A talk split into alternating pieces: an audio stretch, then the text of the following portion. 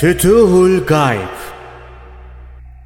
Sultanül Evliya Gavs-ı Azam Abdülkadir Geylani Hazretleri 49. Makale Uykunun kötülüğü Uyanıklığa götüreni bırakmak iyi olmaz. Her zaman uykuyu değil, biraz da uyanıklığı aramak lazım. Ayık olmak varken, gaflet yolunu seçmek, noksanı ve azı, çoğa, iyiye tercih sayılır. Ayıklığı icap ettiren halleri terk, bütün iyi şeyleri bir yana itmek sayılır. Bu yerinde bir şey değildir. Gaflet bir nevi ölümdür. Bu yüzden iman sahibine gaflet yakışmaz. İlahi emirler karşısında gaflete düşmek çok yakışıksızdır.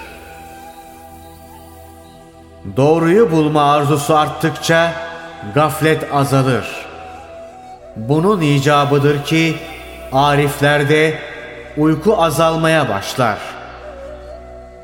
Bundandır ki meleklerde uyku yoktur. Ehli cennet uykuyu bilmez. Bunların derecesi çok yüksektir. Çünkü uyku gaflettir.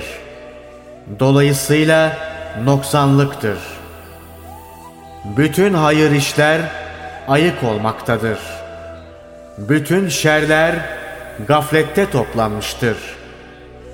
Bunun çeşitleri vardır. Zahiri, uykudan kurtulmak için az yemeli ve az içmelidir. Zira çok yiyip içince çok uyku olur. Gafletin çeşitli sebeplerinden biri de çok yemekten hasıl olan uykudur. Daima uykuya dalmak ve her şeyi unutmak kötüdür. Çok yiyen kimse rahat ibadet yapamaz. Çok yiyen kimse oruca dayanamaz. Bilhassa haram yiyenler tam bir gaflet içinde ve ölü gibidirler. Az da olsa haram yiyene az yedi denemez. Haramın azı da çok sayılır. Her halde dikkatli olmak varken az gaflet eden çok pişman olur. Haramdan çok sakınmalıdır.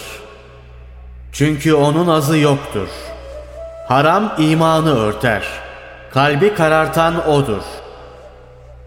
İçkilerin azı aklı yıkmaya yettiği gibi haramın da azı imanın ışığını söndürür. Zamanla iman ışığı sönerse ibadetin ve iyiliğin yararı kalmaz. Helal yemeli, helal içmeli. Helalin azı da yeter. Çünkü onunla gönül rahatlığıyla ibadet edilir.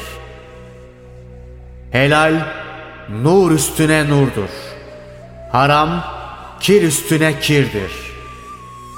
Helali de nefse uyarak yemek olmaz.